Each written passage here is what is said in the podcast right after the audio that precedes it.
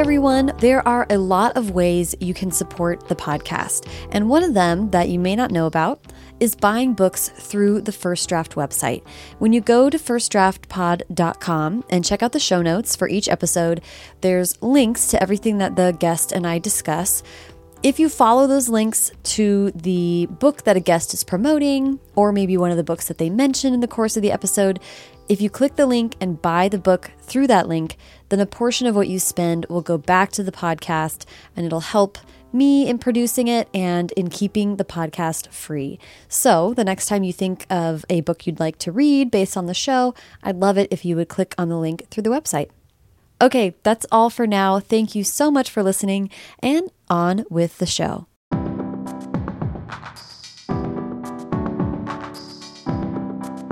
Welcome to First Draft with me, Sarah Enni. This week is a new mailbag episode where I, along with a very special guest, will answer listener questions. Joining me today is Tahereh Mafi, the New York Times bestselling and National Book Award nominated author of the Shatter Me series, as well as A Very Large Expanse of Sea and more. The final book in the Shatter Me series, Imagine Me, hits shelves March 31st, 2020.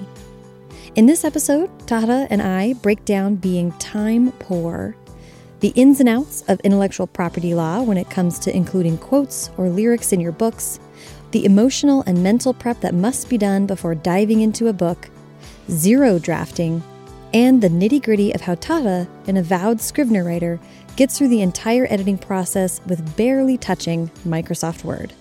So please sit back, relax, and enjoy the conversation.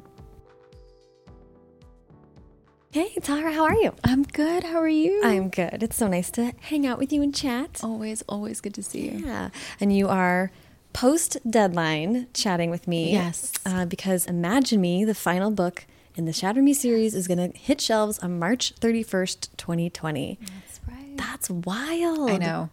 I can't believe it. I know. 10 years of my life. Yeah. Does it, Yeah. have you like had any time to think about that? I mean, a little bit of time. Yeah. Not as much time as I would have liked, actually. I think it'd be nice to be a little bit more introspective about the whole thing. But it's, it's, yeah. It's coming up. That's a real. yeah. A Well- decade. A decade of change for Well, sure. I am excited for you. Thank you. Yeah. We have some listener questions here today. You guys gave me such amazing questions on the voicemail box and on Instagram and Twitter. So we're going to get to a few of those today. I have a question about uh, switching categories. Typically, when I draft novels, they come in well below the um, acceptable word count, and I just add some more while I'm revising to make it the appropriate word count. And so, and even then, um, I tend to write on the slimmer edge of my category. However, I'm also wanting to go to other categories and write in other um, genres as well. The issue is that I write middle grade, so already my books are going to be the smallest that is available. So my question is, if you want to um, write something that's a higher word count um, from the get-go in the very first draft without revisions, what would you do to go about it? So this is a really interesting question. Do you what what do you think about it? Yeah, I, I, I don't know if you figure out the answer to that question. if you wouldn't mind telling me too, I would. I'd be grateful. I don't actually know. I think I struggle with this myself. I tend to write thinner drafts, shorter drafts, and my revisions always include bulking up my manuscript. So I don't know. Yeah. Well, I mean, the interesting thing that I would say also is the average word count. I think that you hear about or re- or read about um, as a suggestion is really only that. I think it's only a suggestion. I think we've all, you, know, you and I are big readers. We've read shorter novels. Yeah, totally. and- They run the um, gamut. Yeah, exactly. I, I don't think it may not be productive for you to think about word count in that way necessarily. I think you might be beating yourself up where you don't need to, and we can eliminate that wherever possible in the writing world. Yeah. Um, so if you write shorter first drafts, just write shorter first drafts. And then in the second draft, you might find yourself adding subplots or adding scenes or Right. things like that that bulk it up. Or you might go to your agent or wherever you're bringing it with a shorter draft. And if it's a complete and beautiful story and it says what you want it to say, then it's complete. Yeah. Thank So- you, Sarah. I also need that advice. Yeah, yeah. I mean, it's very like I, yeah. if you can say what you want to say in 60,000 words, that can still be a young adult novel. Right. Yeah. Unless her first drafts are like 10,000 words. Ah, in which case I would say that's probably a, not even quite a novella, close to a novella. So, then yeah. then you may not be writing a novel. maybe you're writing short stories. Yeah. And and Zan Romanoff in the last mailbag episode and I both gave this advice too, which is sometimes if you're having a big enough issue with an idea, you might want to think about the format. Maybe it's a screenplay, maybe it's a pilot. Like don't you don't have to limit yourself. If you're coming up against enough issues, it it might honestly be a different project. Yeah, that's true. That's a great knows? point too. But definitely be open to it and I wouldn't I wouldn't worry about it too much. Yeah, Sarah Enni with all the excellent answers. Seriously. Oh my God, we're trying. We're trying. Uh, meanwhile, I'm like letting myself write really long on this. That's good too. Yeah. If And you I'm- need to. I'm at 32,000 words right now, and it's I just got to the end of. So I'm on pace to write a 90,000 word contemporary novel, Wow. which, if for you those of you counting at home, is way too long for a traditional contemporary novel. But my friend Morgan Matson gets away with it, so I'm like, I know I've read plenty of 100,000 word contemporary novels. They're fun. Yeah, totally. So we're just going with it. Going Absolutely. with it. Okay, so we have quite a few questions here. We are going to kind of run through them and Okay. see what we think. All right. So let's start with a question from Kushu33. How do you balance reading and writing time? This is a great question. Such a great one. How do you, I mean, how do you do it? I don't. I don't balance. What is balance? I know. it is the like it's the thing that we're always striving for. I do not balance reading and writing time. I just make time to read and I make time to write. I make mm-hmm. time I have to like make time for everything in my life these days. I feel like you are good at that. I think you're very conscious of your time and your schedule. Yeah. Well, thank you. That's very kind of you to say that. Um, I hope so. I really I try to like be very aware of how I manage my time just because I don't have much of it. I am time poor, as a friend put it recently. Mm. I like thought- that. Yeah, I thought that was really I was like, yeah, I am. I'm time poor. Yeah. and that's not doesn't have to be a permanent thing. Do you know what I mean? Like, Um, Right. You have a young child, you have deadlines. You're at this point in your life, you Right. need to be conscious of Right. kind of every waking moment. Right, right. Yeah, and and stretching every minute into something, making it into something. So, I mean, this is a little off topic, but like even just having a social life, like my husband and I were talking about this recently that I think we are lucky enough to be at a place in our careers now where we're just moving from project to project mm-hmm. and we're never not on deadline. I'm always trading one deadline for another mm-hmm. and working on multiple projects at once and like just really it's it's big juggling act and I used to be the person who'd be like trying to make plans with a friend and I'd say, "Oh, you know what? I'm on deadline. Let's wait until I'm done with this deadline and then let's hang out." And now I just I'm like, "Nope, it doesn't matter. I'm never going to be I'm never not going to be on deadline, but I really want to see my friends, so I'm just going to make it work. Yeah. And I'll build it into my schedule. Um, and that's actually changed my life. It's been really good. That has helped me be a healthier person Oh, that's so that's really interesting. to not stop my life, you know? Yeah. You know, this, and I don't know if I heard this or if I came up with it in therapy or what, but the, the phrase that's come to me recently has been like, everything has to happen at the same time. yeah. That's kind of what life is. Yeah. And I think what you're getting at and how I've been thinking about it is if you if you put a pause on a part of your life and think I'll get back to it later, there is no later. There really is only now and it is our job Totally. as fully rounded people to live our whole lives all at the same time Yeah. and that might mean that you're busy and stressed out but you know you would hate to look back and realize you hadn't seen a friend in a year you know that would be really sad That was exactly what I was realizing. I'd be like, my friend just had a kid. Their kid is now six months old. right like, how did I would like to collapse the time between when my friend gave birth and when their child became six months old and just like you know like reverse time i don't know like how, how did i miss that Right. i was i was having so many moments like that where i was just like i can't do this anymore like Yeah. it doesn't matter how many books i write it doesn't matter how many things i publish if at the end of it all i've lost track of the, the people and the in the experiences that matter the most Yeah. Like, I don't, you know, I write the books and I enjoy writing the books and I love my career and I'm really grateful for it, but we work to live. Yeah. And what is life if if it doesn't include the people we love?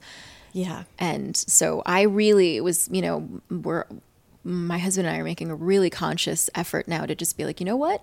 We're going to see our friends. Yeah. And we're going to work. And we're going to spend time with our kid. And we're going to see our family. Like we'll just do it all at the same time. I think it takes a commitment to Yeah. to that, right? But it's a very like it's powerful when you honestly it's powerful when you just say something like that out loud. You're just like, "Okay, I am going to do this and the like these are priorities in my life." I'm like, "Listen, we're coming up on 2020. I've been doing a lot of thinking about this stuff and like I've got a whiteboard with all the I'm like, Yeah. here are the things that I value and I and I want to be very conscious about time. I mean, I've been thinking about you because I do think you are very good at at managing time and just being like, we got to do it now, you know. so Thank you. That's very sweet. I did like just get home from a trip last night and I was like, whatever, I'm seeing Sarah Enni in the morning. It's going to happen. I mean, it's.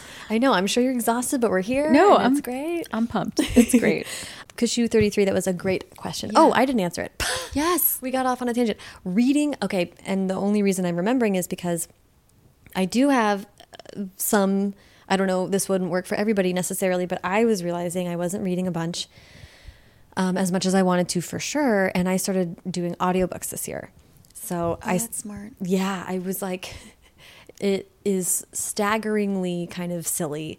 But at some point, I was like, oh, I'm not finding podcasts that I want. I just really want a long, long podcast. Why can't I find one like what I want? And then I was like, oh, I think what I'm talking about is a book, an audio book. And then I got, um, but Wow. it, it has, for me, it has to be memoir or nonfiction or essay. Really? I, otherwise, I can't really pay attention to fiction in an audio format because I don't know why. But so I've been reading a ton of nonfiction by just having it on my phone, and when I go for a walk or all the time that I used to spend doing podcasts in the car, it's a lot of books now, and I feel a lot better about it. That's so so, great. That's so smart. the next question is from Kai Mara. How do you stay motivated when you're in the middle of the writing process? Man. Boy, I don't know. I'm in the middle of it right now. I don't know. Yeah. What do you What do you think? I feel like this is a question that like every single author, no matter where they are in their career, struggles with. How do you stay motivated? You know, this is this answer is going to be super lame, but um, my number one motivation when I am on deadline is uh, I'm on deadline. My editor is waiting for this book. My other major motivation, because of the way that I write, the way that I tend to write drafts, can be like really all encompassing and kind of it. We were just talking about this like before we started recording, but you know, when I get really into a draft, I become like this thing. I don't become I'm like I lose. I'm just like a like a little gremlin, like you know, um, hunched over my desk, and and I and I kind of I have to like disassociate a little bit from the world that I'm living in in order to immerse myself fully in this fictional world and in its characters. And I'm often motivated to finish because I'd like to I'd like to emerge. I'd like to reconnect with my actual life. And, um, you know, like I was recently writing this very, very sad book, like very, very sad. And, and I loved it. It was, it was, a, I actually really enjoyed writing it, but I have a two and a half year old kid and I would, when I play with her, like I spend the day like playing with her or something, and she's like so sweet, and we're having fun, and we're like running around and playing, and be like, oh man, you're making me too happy. This is very stressful. I need to go back and write my very sad book. Can you please just tone it down a little? Be less cute. Like this is not. This is very distracting. Yeah, it's a weird position to be in. It is. It's a very weird hazard of this job. Yeah. Yeah. It, well, and I guess the counter to that that comes to mind for me is all, not only when someone's expecting the book from you, is that like, so for anybody who doesn't necessarily have an editor waiting for it, sometimes you can ask a critique partner Right. or your sister or somebody who cares hold you accountable. to be like, okay, you really, really tell me what for if I don't have this to you by X date. And for a lot of people, that's enormously useful. That's not useful for me. People who have listened to this podcast might have heard me talk about the four tendencies. I'm not going to get into it in too much detail because I've talked about it too much. But what I've learned about myself is that when faced with expectations, I just want to rebel and I don't care. I don't care if other people are waiting for my book. It has to be self motivation for me. So I care that the book is finished. I care about the characters. I when I feel a lack of motivation, I think about what the next scene is that I'm going to write, and if I don't care about that scene, then it needs to be fixed. Because um, I I want to right. go there with my characters and be in that world, and to some extent, there it's like we talk on the show a lot about spite writing, and it doesn't have to be spite against a person or or a thing, but I want I want to just show someone that I could finish a book. It's I'm no one in particular. No one's in my life telling me I can't write a book, but I feel like I'm like I want to prove it. I want to prove Even that I can do it. It's more yeah, it's kind of like writing a novel feels like this grand impossible thing. Truly it kind of is. Every time you write a book, every, every single, single time. time. And every draft, you know every what I mean? Every time, yeah. So you kind of are like, you know what? I'm gonna like the montage of your own life. Like I'm gonna do it and uh, yeah. and emerge victorious. And so that's my attitude in general life. I guess. But it's so good that you have the self awareness to even know that about yourself. It's been recent that I kind of really came to it, but it was very illuminating. Yeah. Where and I was like, I thought when people were doing accountability groups, I thought, I was like, oh, we're all faking it at an equal level. Like, but other people really do. care about other people's expectations. Turns out. So great, good to know. Wow. yeah. yeah, no, it's true. I think we all tackle it differently. Yeah. The next question is from Diana Wave Mullins. Can you use a reference to a specific writer or publication, like Dr. Seuss, for example? This is a really interesting question. This is kind of in the weeds of like, yeah, no, what can you include in a book? Right. Um, did you say you had a? Yeah, actually, a very specific I had like a very specific experience with trying to figure out if I could quote Dr. Seuss. I wanted to use the Dr. Seuss quote in an epigraph. Oh, yeah. And I asked my uh, publisher, and my editor went on this like long hunt to like find out. And, you know, bless her heart, like they, they, they all like went down this long rabbit hole to find out that basically it would cost me $3,000 to quote like a single line of a Dr. Seuss book. And I was like, no thanks. Yeah. so yeah, like you can, but you have to like get the rights, which often includes like contacting. I mean, if the person's still alive, I think it's different. But then you you contact like their the foundation, the literary foundation, or like yes. their estate. Yes, you can. You can. Um, so I was telling Tara that Maurene Goo has an. Uh, is it epigraph? If it's before the book. I believe it's an epigraph. Yeah, that's it, right? Oh my gosh, I don't know. I should know that. Ten um, years in, I have no idea. Uh, but in, I want to say in the way you make me feel, there's a Rilo Kiley lyric that she was able to use. And she was just able to be put in touch with the band members of Rilo Kiley and they so said cool. Maurene you're so cool. I know. It was such a, and it's a perfect mood setter for the book and everything but they had to get permission specifically. And some estates or writers or whatever are more litigious or protective than others. So that's why you'll see a lot of times people can you can use stuff that's like a hundred years old or older. Right. I mean, we're getting into in public domain. Here. Yeah, public public domain. domain. you can use like Shakespeare, you know, like that sort of Dickens, thing. Like yeah, to your heart out. Anything that's a hundred years old. Mm-hmm. That actually is the cutoff. I believe it's about a hundred years. I think so. And IP law is changing because of Disney. Really, uh, the Walt Disney Company has oh because they don't want people to be able to use Disney stuff, right? Because we're coming up on hundred years. Yeah. Right. If you track the last, this, this is really getting in the weeds. If you track the last 30 years of IP law, it is all lobbyists for the Walt Disney Company have every, you'll notice it started in the 70s and they shift it so it's always, Mickey is always protected. Wow. It's fascinating. So so interesting. There's a lot of that. I don't know if you guys know this, but Sarah is like very, very, very smart person who knows a lot about a lot of things. I worked for a legal magazine for a while, and it was fascinating. Um, so the other thing is, you can list the names of definitely the names of authors and the yeah, titles of titles their works. or titles of books and stuff like it's that. It's only if you're quoting from the actual text or the actual lyrics that you are getting into these issues. You can certainly live in our world and reference things. I'm saying that as someone who's referencing movies nonstop in her current work, and I'm like, God, I hope so. Yeah, I'm making very specific references. What prep do you do to get to a point where you're ready to start drafting? This is a really interesting, very question. interesting question. Yeah, how has it been for you, especially in a series? Oh gosh, this that's a totally different. um, I I actually I love this question because I feel like I don't often get asked a question. I don't feel like most people don't ask questions like this. Most questions are about drafting, about writing, and not about the preparations we make to write. Yeah. And I actually think I require a lot of preparation emotional, mental. I need a lot of like fuel. Mm-hmm. So if I'm getting ready to write, especially when I'm doing back to back deadlines, mm. it can be really tough for me because I'm like, oh my gosh, I'm like running on empty mm-hmm. basically at this point, and I need to refuel. And in order to create, we need like input. Yeah. We need all kinds of input. I need to read. I need to watch movies. I need to go places. I need to like go to a museum. I need to like Be read the newspaper. in I need the to talk to people. Yeah, you need to live, Yeah. right? In order to create.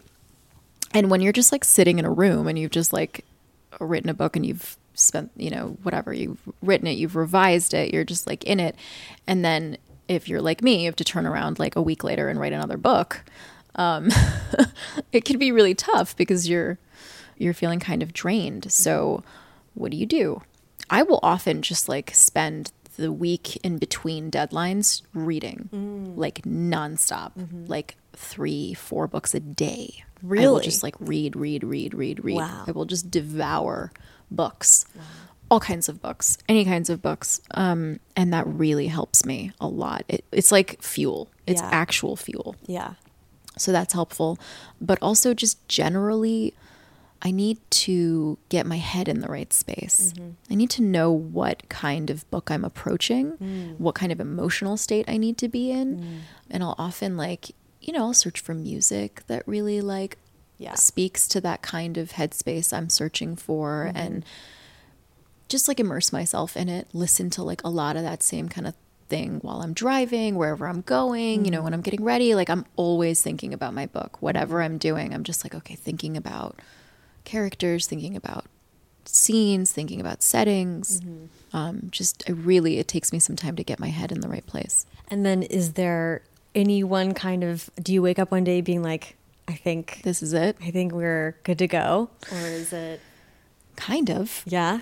Yeah. You know, my husband has spent a lot of time watching me write books in the years we've been married. And he has compared me more than once to like an Italian race car. Oh. I find this flattering, which is why I'm going to repeat it now. But, um, and I think it's true. I also agree with him. I think like a really fancy sports car or like a race car, like a, like a, like on a racetrack race car, you know, I need like conditions to be perfect. Right. Everything has to be like you're tuning up, everything's right. The, you know, the tires are right and the engine is good and everything's ready. But like it's kind of a, you just get like a couple of spins around that track before the car just like just catches fire. That's me. That's how I write books. So like for four minutes, I can go really fast Right. and things are great. And then I just like, you know, the wheels come off. right, the wheels come off and it's like, you know, the whole thing is messed up. And there's no real car under there. It's just like a big engine. I just, that's how I feel. I feel like I'm revving my engine Yeah. for the right, getting until I get to that right moment. Yeah. And sometimes it, it literally will come to me in a single sentence. Like I'm like, oh, that's the first sentence. Okay.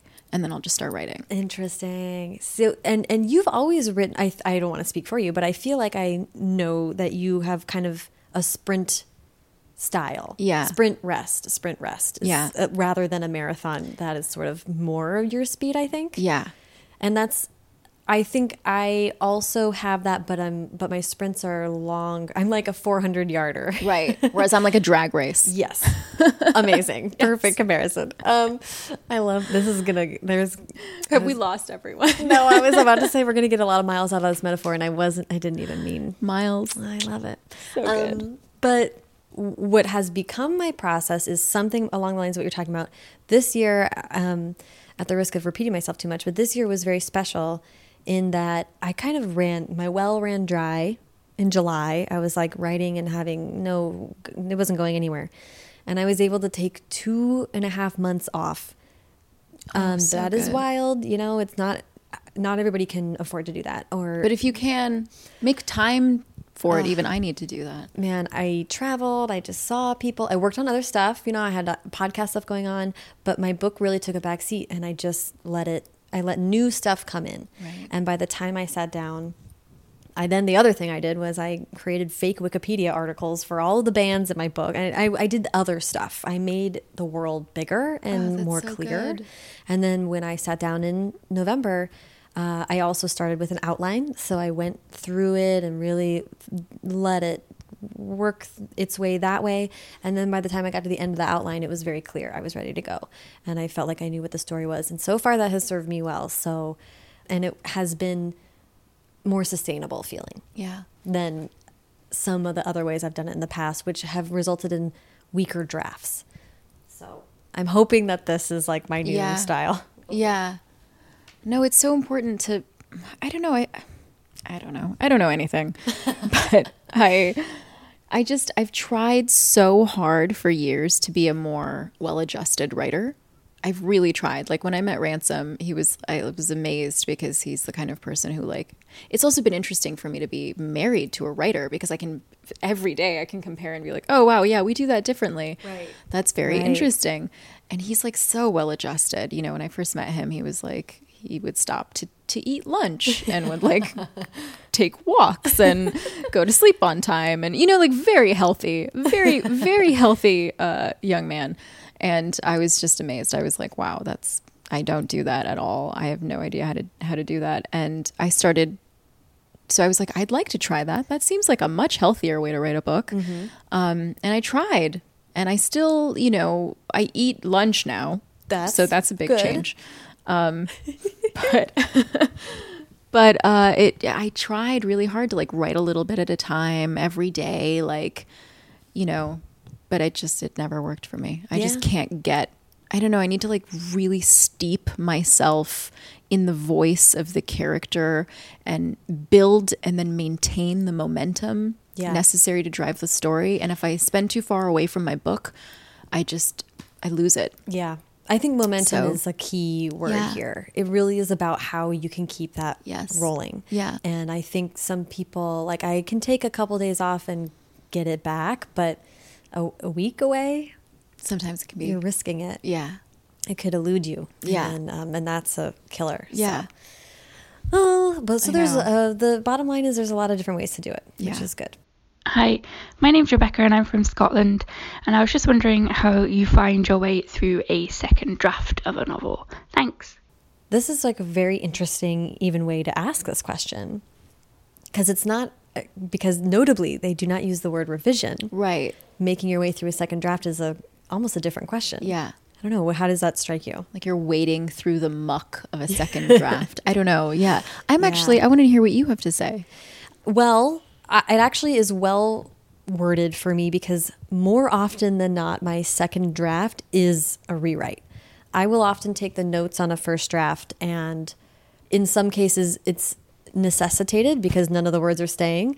And in other cases, I just know if I set out with a blank page, what I create at that point will be better and stronger than it was the first time around because I know everything, I know the characters better and I have the notes in hand that are presumably from someone I love and trust um, and agree with. So honestly, a lot of times my second, my revisions are just rewriting the book, and that's.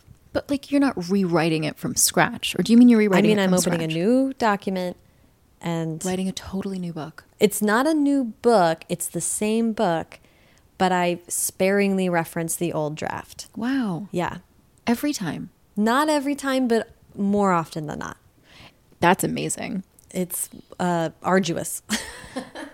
But like I mean the like the the the tenacity required to like propel yourself through What I noticed at some point was when I jumped into a, like, let's say a Word document with track changes, if I'm making changes that are big enough, then if I am looking at what exists, I s- expend so much more energy trying to salvage Right. that which Oh, is I see. fundamentally broken and not good enough. Right. And that same amount of time put toward brand new words when I already know the story and I already know what I'm getting at, and I've done it once before, and I'm gonna do it better this time. That's the hope.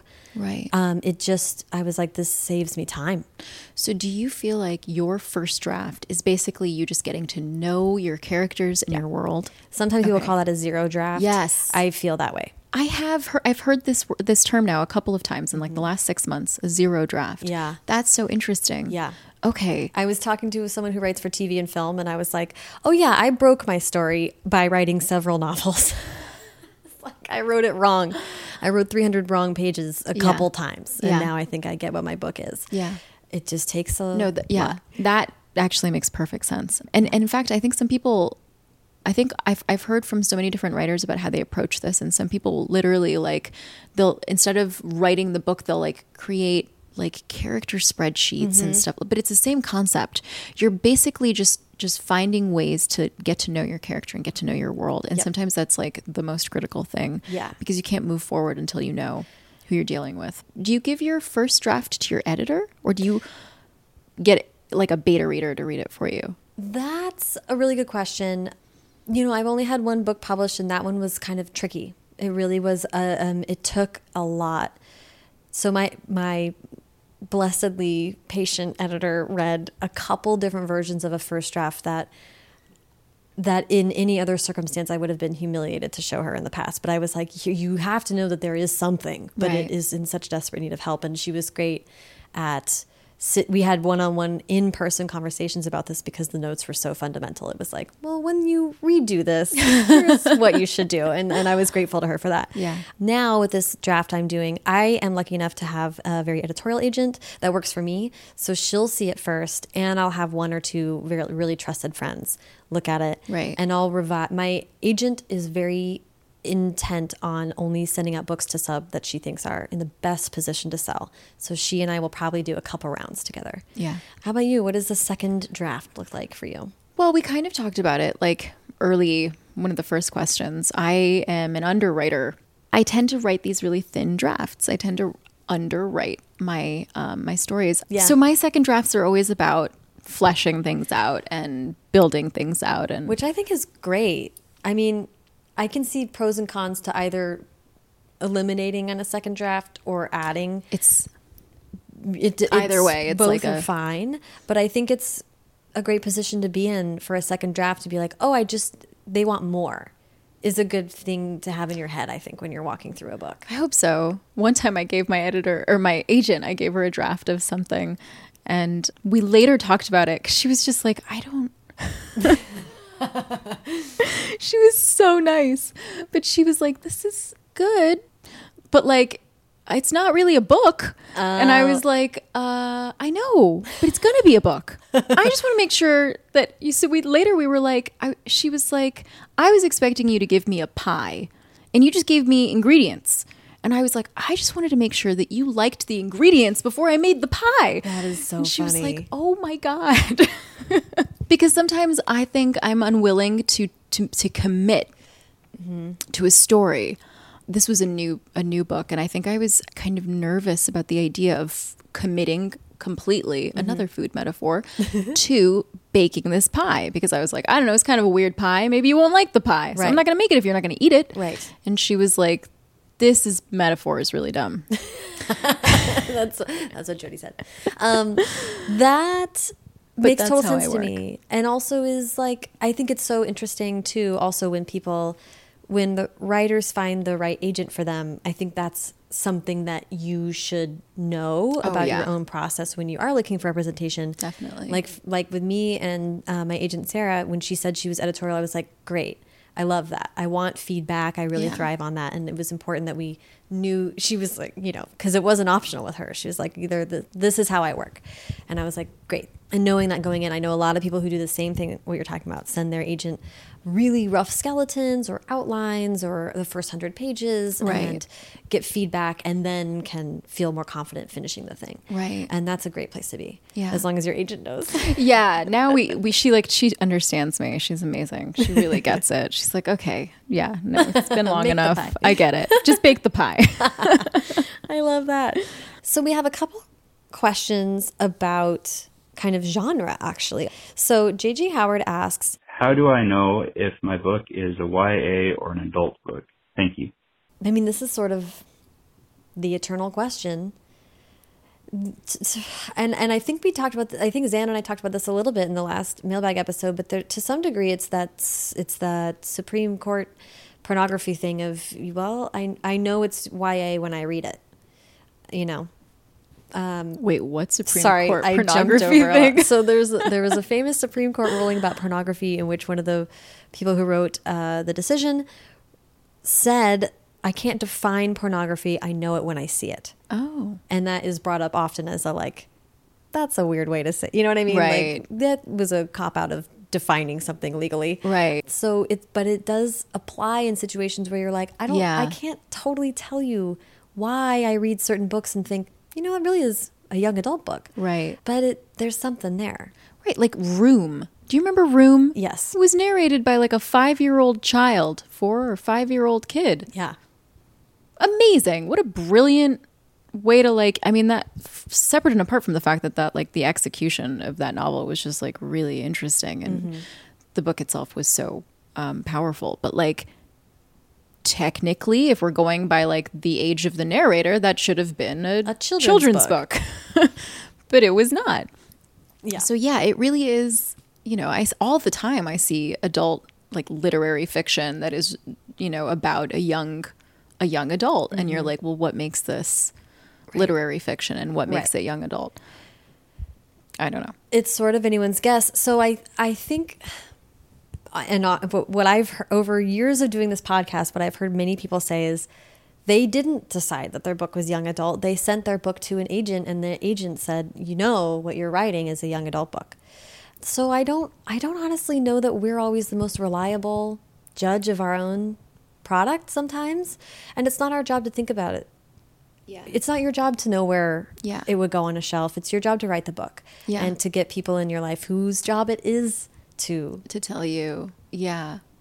I mean, I think there are some obvious, like, if you really, really, really want to write a young adult novel and you do not want to be shelved anywhere else, like, I think you could make some pretty obvious mm-hmm. choices. Like, there are some some pretty obvious patterns or s- storytelling.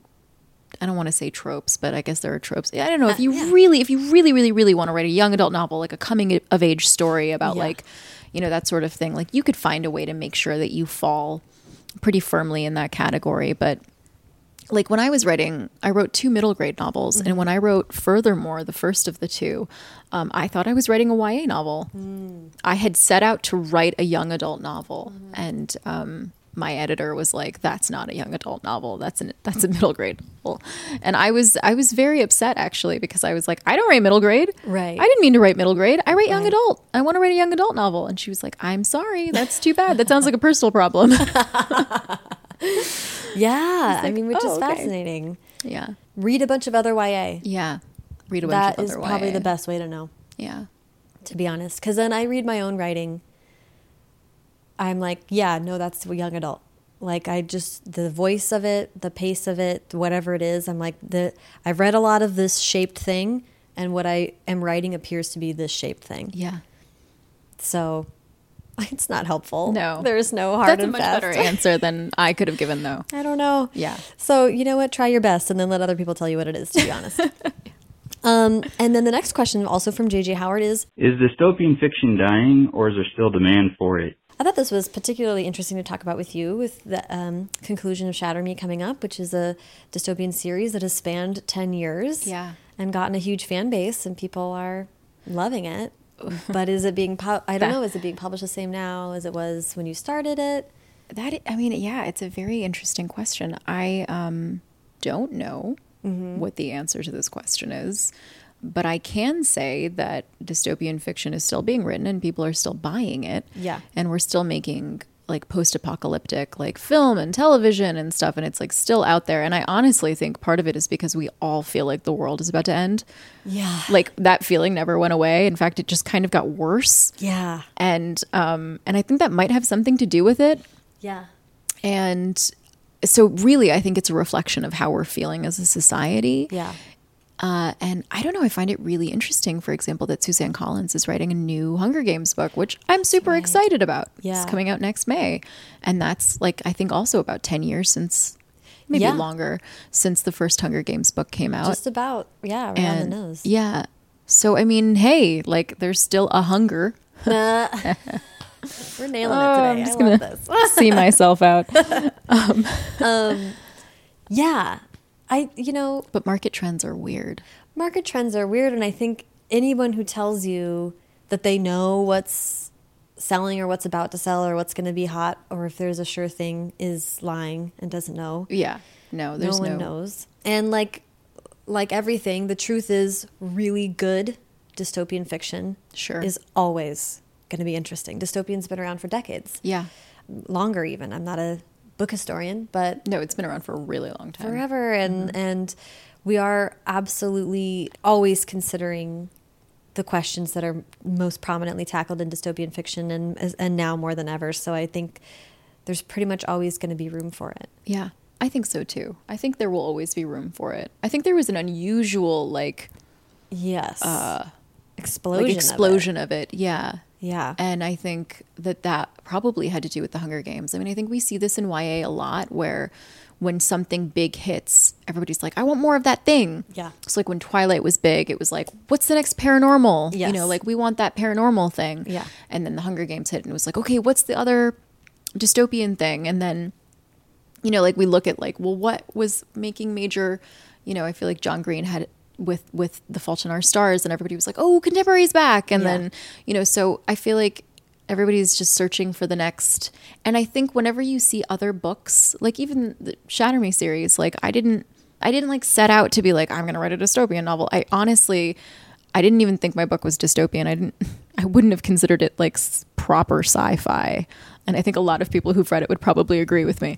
um, but it was like dystopian enough that I think it just got like shelved there and categorized in that way because that was the way that people were consuming fiction at the time. Right. And so that made it easier to market and brand and sell.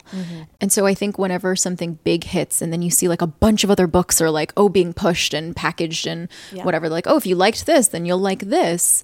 That's kind of just luck. Yeah. Because that book, I mean, publishing is so slow and you can't, you know, like you can't write a book that quickly unless it's being packaged. I think if you want to be a professional writer, it behooves you to know what is popular right now just to be just to live in the world. Yeah. But when it comes to writing, you you should not let that dictate what you pursue Yeah. um, very much at all. Just try to write a really, really good book. Yeah. The best book that you can write. And and because you know the next big thing is never going to be what you think it's going to be. Uh, nobody saw Twilight coming. I don't think anybody saw the Hunger Games coming. You can't predict the zeitgeist. Yeah. So so just go for it. Yeah. If you have a dystopian story to tell, then Yeah, then tell it. tell it for, sure. Okay, so the um again from JJ Howard, you sent me a bunch of questions. Thanks, JJ. Have you ever written two books at once, and how did you handle it? Have you? Yes. Oh my gosh, how did you handle it? I don't know. I was gonna say, I have made plans many times to write two books at once, Yeah. and it has never successfully happened. Every year for the last three years. Yes. Just about. It was necessity to some point. I was juggling deadlines. Yeah. Um, and you know, I made a choice. I made a choice to have two books come out last year, for example. I had so the Shatter Me series was split up into like I, I took a break in between and decided to come back and write more books. And so like the first of the of the last three in the series came out last year, last spring. And then that fall I released my first contemporary novel, A Very Large Expanse of Sea. And um I had not planned for that. Uh, Restore Me, the the fourth book in the Shatter Me series, was supposed to come out that year, and that was it. But the I forget when. I just remember my daughter was about four months old when I wrote A Very Large Expanse of Sea. So whenever that was, some time ago, I just I wrote that book. It just sort of came to me, and I wrote it in this like delirious state of of exhaustion and um and it and it just happened you know it just happened and it and it had to come out and the shatter me books and like contemporary it's very very different it Yeah. felt i mean very similar in some ways because you know you're dealing with like some emotional things that feel similar but like pretty much across the board very different. So like so that was a choice that I made though. I, I wanted to put that book out because it felt like it was ready. It felt like it was the right moment for me emotionally and Mm-hmm. You know, I don't know, in my life. I didn't want to wait until the Shatter Me series was over Right. before publishing it because that would have been like three more years. Yeah. So I had to like really make a decision and I did. I just like went for it. You know, it's like what we were talking about at the beginning. You have to do everything all at the same time. You can't sometimes you can't wait. Yeah. Sometimes if you wait, A moment is um, gone. the moment is gone. Yeah. Yeah. And that felt like the right moment for me and I just seized it and was like I'm just going to figure out a way to do it. Yeah. And um and I'm really really glad I did.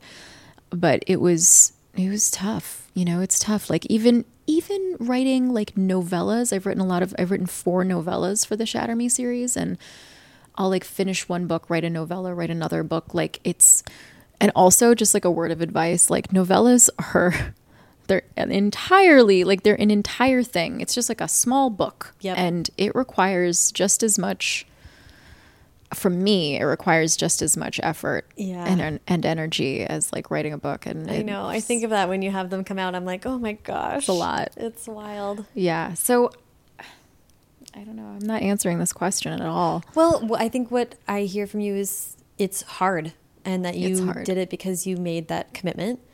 And so you, I mean, this is what I mean when I say I think you're good with time. I think when you make commitments, you follow through on them. And that's a very admirable trait, I think. And it's like, and again, like I said earlier, it's like one that I like don't, and I don't mean that I don't follow through on things because I do. And I care about my writing and, and being a writer and being a responsible adult, I swear. But I, it. I've on more than one occasion I've been like, that's fine. I have three months. I'll do these two things. Uh, I can write one in the morning, or or one's in revision stage and one's in drafting stage. And what I've learned about myself is that that's not tolerable to me, to my brain. I do exceedingly well when I am able to monofocus, and I have to be really careful with myself to allow that to happen, because then I do write kind of quickly. So I'm like, really, let's find the way that's most conducive to your brain and then and put yourself in a position to succeed and to me that has meant one thing at a time x number of hours a day not pushing it so that you can s- I, it is more marathony. It is more pacing for me. Yeah. so i have never been able to do two things at once. If i was lucky enough to be in a position to have to do it i think i could make it happen because that would it would be different. I've never done it with like a deadline and money on the line. So i think uh, that would be an x factor that i could work with but it wouldn't be ideal. So i don't know. Yeah. it's a tough one i would if you don't have to don't do it Yeah. If you don't have to, I wouldn't do it. I wouldn't unless you know some everyone's brain is different. If it if it Right. Unless you thrive on that. if you can do it. Elana K. Arnold in her most recent interview with First Draft, when she was talking about Damsel, which everyone should listen to, that was a great interview. She talked about one retreat that she took away from her family and her kids, and she was like, "I have this X number of days in a row." The only way I can forgive myself for taking this time away from my family and my friends in my life is by maximizing it. So she wrote middle grade, I think what she told me is she wrote middle grade in the morning, took a break, and then wrote YA with wine in the evening and just did that for a number of days in a row. Made a ton of progress, but she really has set an intention for that and was like, you know, a lot of motivating factors involved in that one. Yeah. But that's the only time I really heard someone be like, I did it. It was healthy. and it was, Yeah. Good for her. yeah. I totally agree with that though. I feel like these days when I take time away from like my personal life to work, which is what literally everybody does, but I feel like with with writing, I actually think this is um this is problematic in like most jobs that require you or or that enable you to work from home.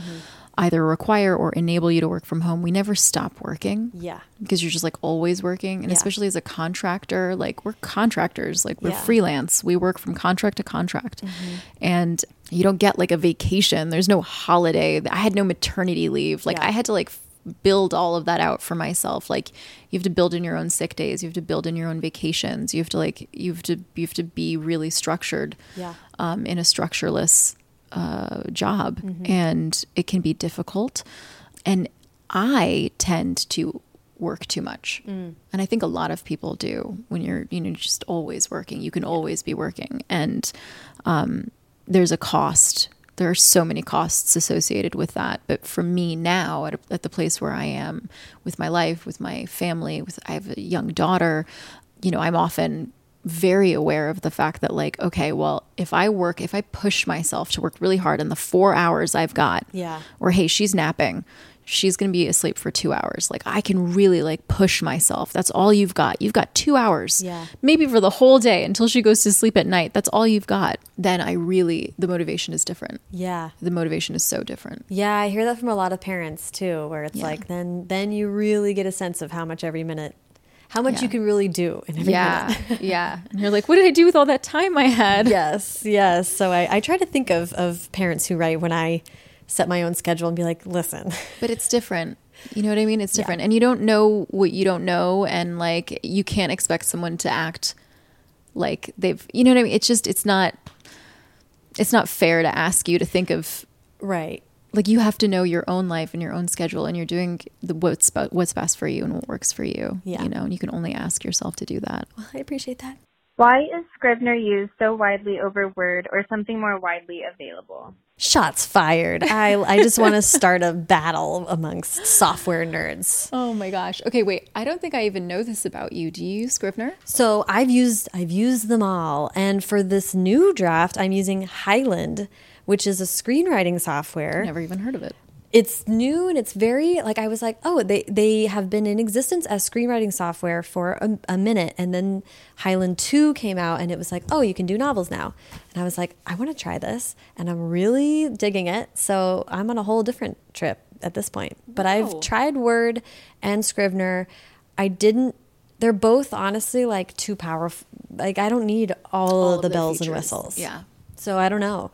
Uh, and all, the funny part about this question though is why is Scrivener used so widely over Word or something more widely available?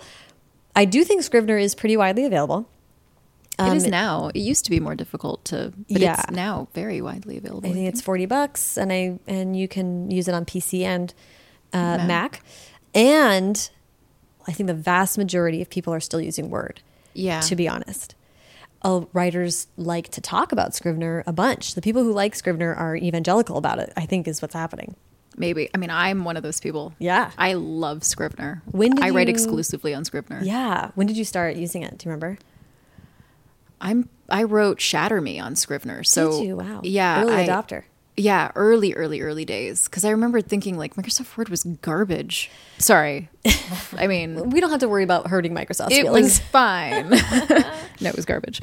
Um, it's still like it's a super finicky like uh, uh program. It's prone to crashing. It Yeah. It doesn't have like a lot of like basic things that I really appreciate from uh the from Scrivener, which is like I mean they've recently like they just started implementing like some like the focus mode on Oh, Word where you can like you know and I think honestly that was in reaction to, to S- people Scrivener. going to Scrivener. So like one of the things I love the most about Scrivener is the way that it like it basically like pushes out of the program itself and it, it looks like a scrolling sheet of paper and you can and it like you can adjust the dimness like the background brightness or darkness and I like to black it out completely mm-hmm. and just it just really helps me focus while I'm writing. Yeah. It, I don't see anything. I don't see any toolbars. I don't see any rulers. I see no scrolling, no scroll bars, nothing. Like it's just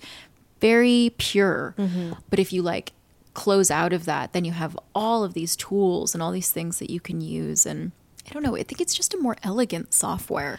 It's very elegant. And and Word like everything Microsoft does, Word is utilitarian. Yes. And that means it's clunky and the UI isn't the best. It's just sort of the Yes. the basic thing that is a baseline. So like everyone knows Word, but Scrivener is obviously created with writers in mind. And Right. It's very Yeah. intuitive in that way and Yeah.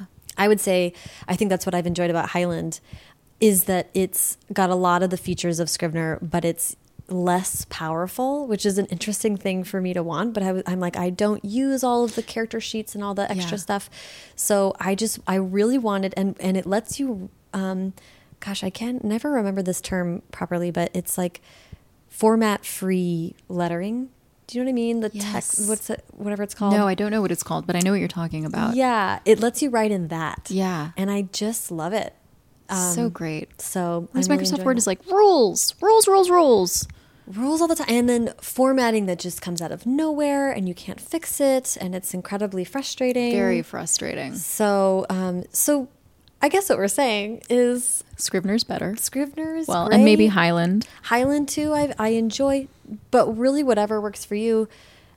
When you get revisions from your editor, it's going to be in Word. I still edit in Scrivener. Do you? How do you do that? Do you?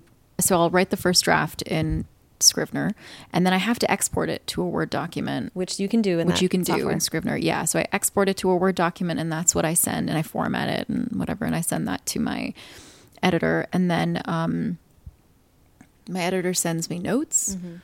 and will often like make notes in the manuscript itself, and I will at that point. It depends on how extensive the revisions are. If it's like a pretty extensive revision, and I need to see the my editor's notes like in line, Mm-hmm. I will um, like I have two computers. Ah.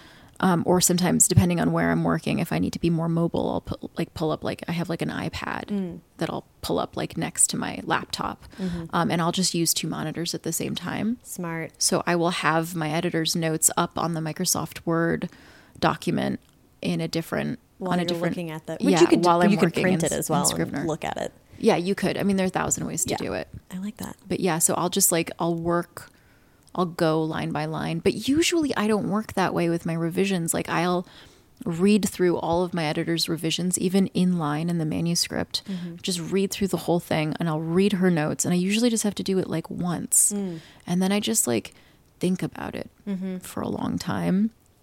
And then i just open my scrivener document and i start working. Yeah. but you know, I I genuinely would love to hear from like from a writer who loves using Microsoft Word and Totally. like why. Yeah. Like, what are your reasons for loving it? Yeah. I could be swayed, but as it stands right now, I like Scrivener. Yeah, and I think the I think if I had to guess, I would guess that most people are just using Word, but that a lot that but that Scrivener people who use it are just passionate about it and want to talk about it, and that that's kind of how it rolls out.